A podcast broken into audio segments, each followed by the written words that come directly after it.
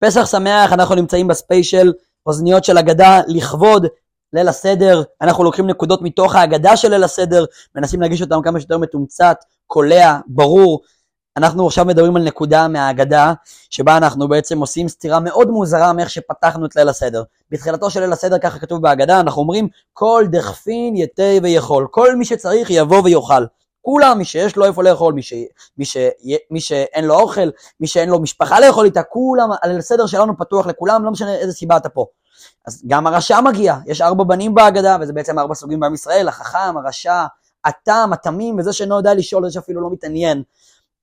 וכולם נמצאים שם, גם הרשע, הרי הזמנו אותו, אמרנו כל דכפין ניתן ויכול, כל מי שרוצה, לא משנה מה הסיבה שלו, יכול לבוא לאכול אצלנו, אבל אחרי שהרשע הגיע לליל הסדר, התיישב בתוך השולחן, אנחנו מתחילים לקרוא טקסטים מהאגדה, ואנחנו ממש ממש מעליבים אותו. אנחנו אומרים את המשפט לרשע, ככה, ככה אנחנו פונים אל הרשע. הרשע לא האמין שתהיה גאולה ממצרים, הרשע אמר שכנראה לא תהיה גאולה, כנראה נשאר במצרים עבדים. אז הוא, הוא אפילו בניסוח שהרשע פונה לאורחים של ליל הסדר, הוא אומר להם, אה, מה העבודה הזאת לכם? כלומר, למה, למה אתם מציינים את ליל הסדר? אני, אני בקושי מאמין בזה. אז כתוב בהגדה שאומרים לו, אילו, אילו היה שם לא היה נגאל, באמת ככה מלקים אותו, ככה מעמידים אותו במקום, בוא תירגע, אתה לא, באמת אם היית שם, את הניסים הגדולים שקרו לעם ישראל, לא היית זוכה להם, היית נשאר במצרים, היית מת ונקבר במצרים כשעם ישראל היה יוצא. עכשיו, נשאלת השאלה, אם הרשע באמת הוא בן אדם חצוף, שלא מכיר בניסים, ולא מאמין, אז למה צריך להזמין אותו ליל הסדר, שהוא יושב בתוך השולחן של ליל הסדר, ואז נגיד לו, תודה רבה שבאת, אתה לא שייך לכאן.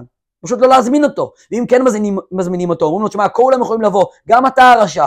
רשע אין הכוונה דווקא שהוא בן אדם רע, אלא פשוט שביחס למצב של ההגדה, הוא לא מאמין בליל הסדר. למה אנחנו מזמינים אותו? למה אנחנו מכניסים אותו פנימה? פשוט נגיד לו לא לבוא, הוא לא רצוי כאן, הוא לא יכול להיות חלק מהגאולה של ליל הסדר. אז אומר לנו הרבי מלובביץ', נקודה מדהימה, הוא אומר, שימו לב לניסוח, מה אנחנו אומרים לו?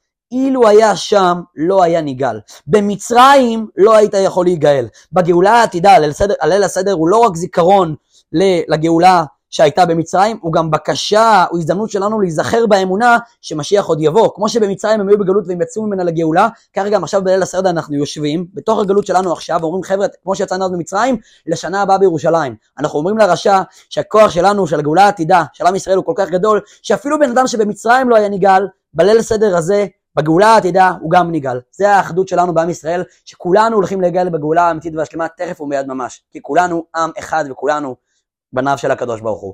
חג פסח שמח, יש עוד פרקים שמחכים לכם על ההגדה, בכל הרשתות של הפודקאסטים מחכים לכם. חג פסח קשה ושמח, משיח נאו.